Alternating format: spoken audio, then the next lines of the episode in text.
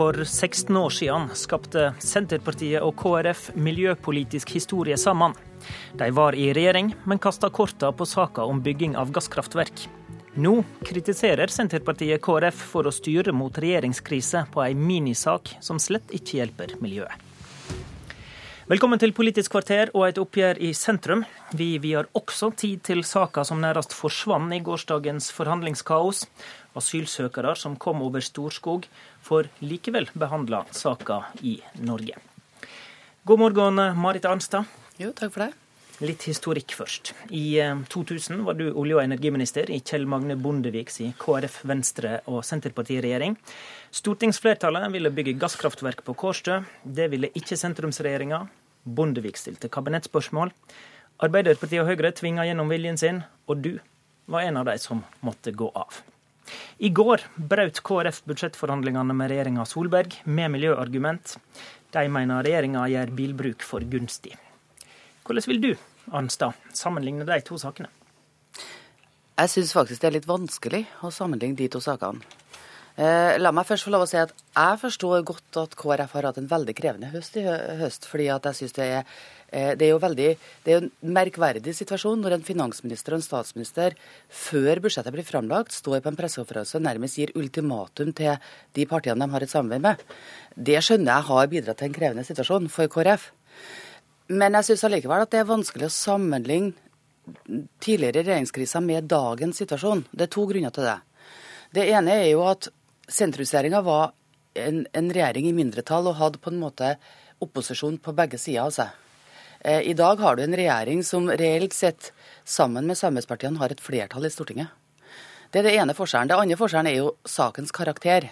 Jeg mener jo at eh, det det handla om i, i, 2000, det var jo om du skulle introdusere gasskraft som en eh, energikilde i det norske kraftsystemet.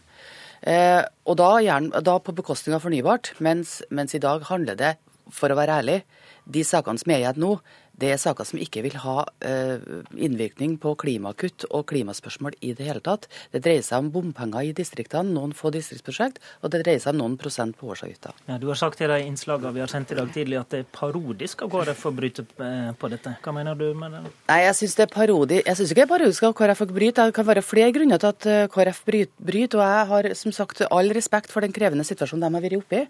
Eh, men jeg syns at det å det, Hvis noen mener at de to sakene er store klimasaker, så syns jeg det er litt parodisk. Fordi eh, de to sakene har ingen betydning i diskusjonen om klimakutt i Norge. Altså eh, bompengelettelser og årsavgift? Da er det helt andre ting vi bør diskutere for å få faktiske klimagassutslipp. Okay. Kjell Ingolf Ropstad, stortingsrepresentant for eh, KrF. Dere avslutta forhandlingene med regjeringa i går med å peke på eh, årsavgifta og regjeringa sine bompengelettelser. Dere sier altså at det må bli litt dyrere for folk i distriktene å komme seg på jobb, hvis ikke blir det regjeringskrise. Nei, Vi var veldig tydelige på at vi ikke så noen vei videre akkurat nå, fordi at vi ikke har oppnådd nok, enten det gjelder klima eller det gjelder distrikt, skole, barnefattigdom, familie osv. Så, videre, og så, så for oss var det en totalitet. Men Knut Arild Hareid var veldig tydelig på at som Arnstad er inne på her, at ultimatumet, som er hele bilpakka, både økning på, på avgiftene, men òg inndekninga med at en gir 900 millioner ekstra til de som har fossilbil, der ligger problemet. Men når vi har sagt et grønt skifte, så er det ikke et grønt skifte å overkompensere fossile biler. Men det blir litt smått, sier Arnstad. Altså, jeg kan isolert sett være enig i at uh, hadde jeg sittet her og skulle nevne klimasak, så hadde jeg aldri sagt bompenge eller årsavgiften. Fordi et skifte fra Så du er enig da? Altså? Nei, men et skifte fra å øke avgifter på å bruke bilen til å, å redusere på å eie bilen, det er ikke jeg nødvendigvis mot. Men det vi sitter med nå, er jo at vi skal få opp forhandlinger, og vi skal få et volum i budsjettet som gjør at du kan få inndekning på alle sidene. Og at vi da skal bruke to milliarder tilbake igjen til de som er fossile biler, det er ikke min første prioritet. Og når regjeringa da ikke har klart å komme med nok tiltak som er annerledes enn bilpakka, så sitter vi jo i den krevende situasjonen vi gjør. Med Senterpartiets politikk så blir det vel ikke så mange insentiv igjen for bilbrukere til å få ned bilbruken i det hele tatt? Altså, for det første så må jeg si at altså, det kaotiske, kaotiske situasjonen du nå er oppe i Jeg tror nok at det, det, ansvaret for å rette opp det, det pålegger egentlig alle de partiene da, som, som, som forhandler med hverandre. Men hvis du på en måte summerer det her opp bare i årsavgift og bompenger ute i distriktene altså problem, Så gir det noen insentiv for Nei, å få det gir, ned Det gir ingen klimagassutslipp. Altså det er annet, hvis du virkelig vil ha miljødebatten og miljøpolitikken på sporet, så må du diskutere helt andre ting. Da burde du ha diskutert et CO2-fond for tungtransporten. Ja, det da burde du ha diskutert biodrivstoff knytta til og omsetningskravet. Det er de viktige tingene. Det Men 12% på årsavgifta gir ingen klimakutt. Det gir ingen klimaomstilling. Det er en detalj, det er en bagatell i det hele. Ja, men, det, men det er jo ikke riktig. Det er jo ikke dette her det stender om. Ja, synes- Dere dere dro jo fram dette i går, det er jo ja, et ja, faktum. men det var jo som jeg sa, men det er ikke nødvendigvis at det er det som vil redusere klimagassutslippene mest. Dere bruker jo miljøargument når eh, partilederen står der og begrunner avslutninga. Ja, og, og, og hva er det han sier for noe? Vi skulle ønske en helt annen innretning på bilpakka. Eh, og, og når vi trenger midler til å få gjennom f.eks. mer midler til jernbane, mer midler til kollektiv osv., så, videre, og så, videre, så er det greit å kunne ta inn noen midler istedenfor å gi det til fossilbiler.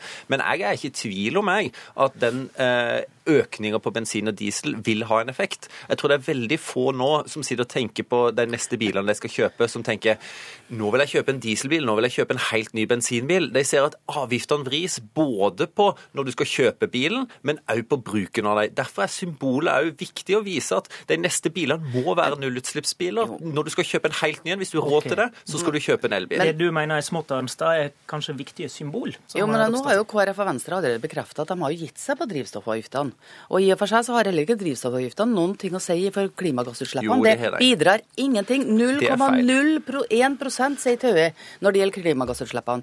Eh, Så, så, og så ser vi jo i går kveld at de også ga seg på pendlerfradraget, og det skjønner jeg godt. For det er jo direkte distriktsfiendtlig for alle dem som er nødt til å komme seg på arbeid hver Ja, morgen. der er og som bor ut. enige, Men da er det men to, da er det to små ting Ja, igjen, ikke sant? 1700 Og du må, ikke, du må ikke ødelegge klimadebatten med å late som om de to små tingene er det avgjørende for norsk Og, men. Arnstad, ditt parti og de rød-grønne foreslo faktisk sjøl at regjeringa skulle sørge for at dagens avgifter på fossilt drivstoff og forurensende transportmidler Mm. gradvis blir øka. Det var et sitat fra behandlinga av energimeldinga. Det er kanskje ikke så nøye da, når du kan plage borgerlig side med dette? Nei, men altså, Jeg har ikke imot en diskusjon omkring drivstoffavgiftene, men du skal ikke Ja, du har gått inn for det. Ja, og jeg har ingenting imot en diskusjon om det heller, og hvordan det kan fungere. I år har vi valgt å prioritere det CO2-fondet for tungtransporten, fordi det er så mye viktigere å få ned utslippene der raskest mulig. Men, jeg har ingenting imot en diskusjon om det. Men en diskusjon som later som om avgiftspolitikken alene skal løse klimadebatten, det er ikke en redelig klimadiskusjon. Men nå sier du to ting. I juni så sa du gjennom det forslaget som ble sitert her, du ga en ordre til regjeringa øk avgiftene på bensin og diesel. Så sitter vi nå, eh, når budsjettet ble lagt fram i oktober, så nuller de ikke ut.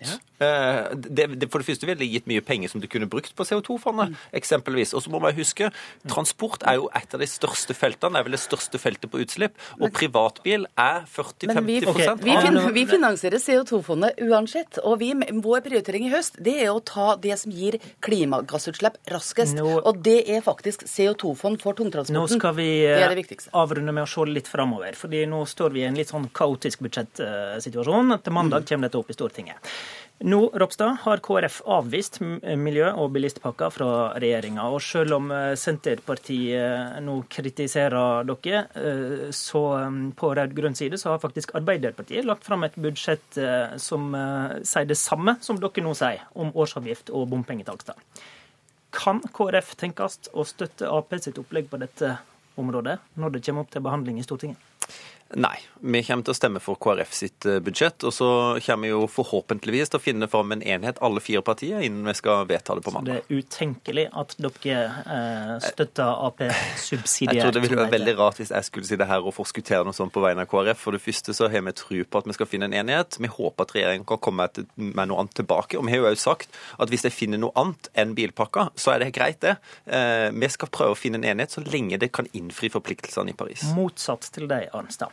Siden du er enig med regjeringa i dette med at folk skal få lettelser i bompenge- bompenger og pendlerfradrag, kan Senterpartiet tenke seg å støtte regjeringspartiene på dette området når det kommer opp til kaotisk behandling i Stortinget mandag? Senterpartiet kommer ikke til å støtte et budsjett som på område etter område sentraliserer Norge, og som eh, fortsatt inneholder store skatteletter til de, dem som har mest i det norske samfunnet. Vi kommer ikke til å støtte et sånt budsjett. Og det blir heller ikke noen mulighet på mandag, bare for å ha sagt det, til å støtte enkeltbiter i forslag. Sånn er ikke budsjettsystemet i Stortinget lenger. I, i komiteene etter hvert eh, kan dere det, men Ikke på skatte- og avgiftsopplegget. Men da har vi iallfall ikke storting for flertall for noe som helst heller i dette studio. Takk for uh, samtalen til Marit Arnstad og Kjell Ingolf Ropstad.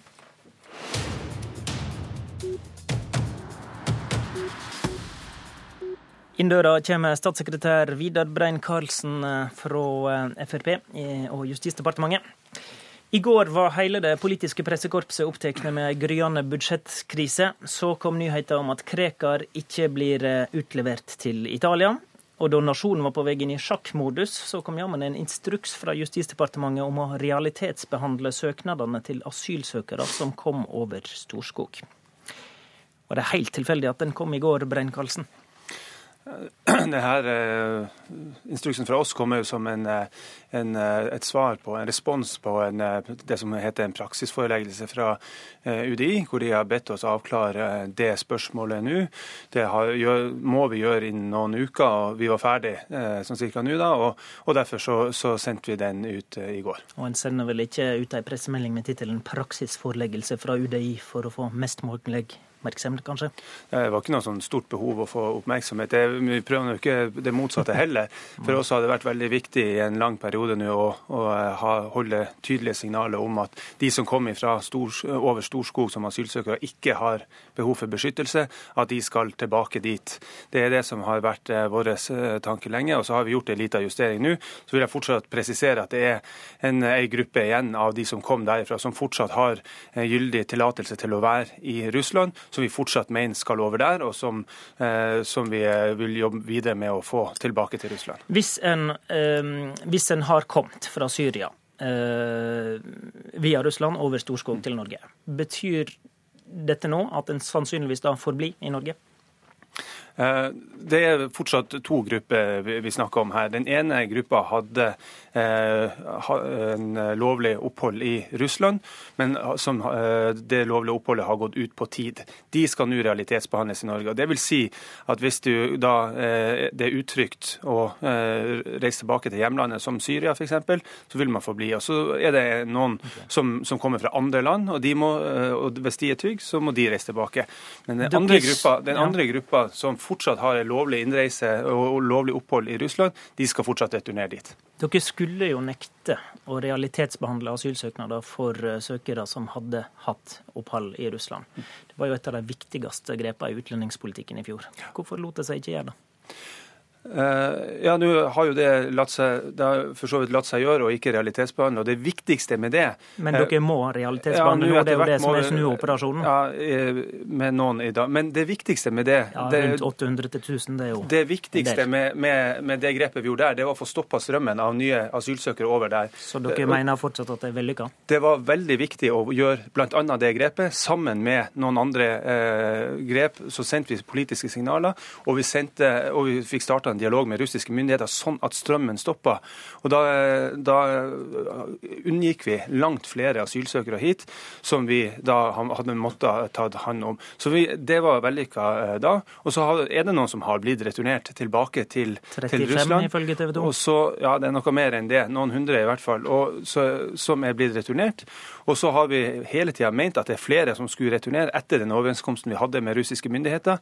Men eh, nå er det ei gruppe til som da får realitetsbehandling her. Men skjer dette nå fordi dere ser det samme som Politiets utlendingsenhet uh, har sagt til dere, at asylsøkere som ville hatt krav på beskyttelse her i Norge, neppe kommer til å få det i Russland? Ne, eh, ja, neppe kommer for, Poenget er jo at de hadde eh, lovlig, et lovlig opphold i Russland da de kom hit. Ja, Men det, at de neppe kommer til å få, få opphold videre i Russland?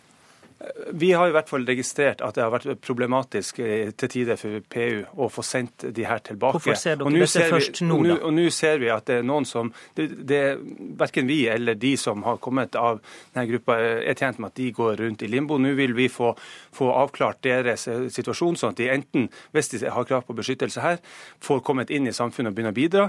Hvis de ikke har det, så må de ut.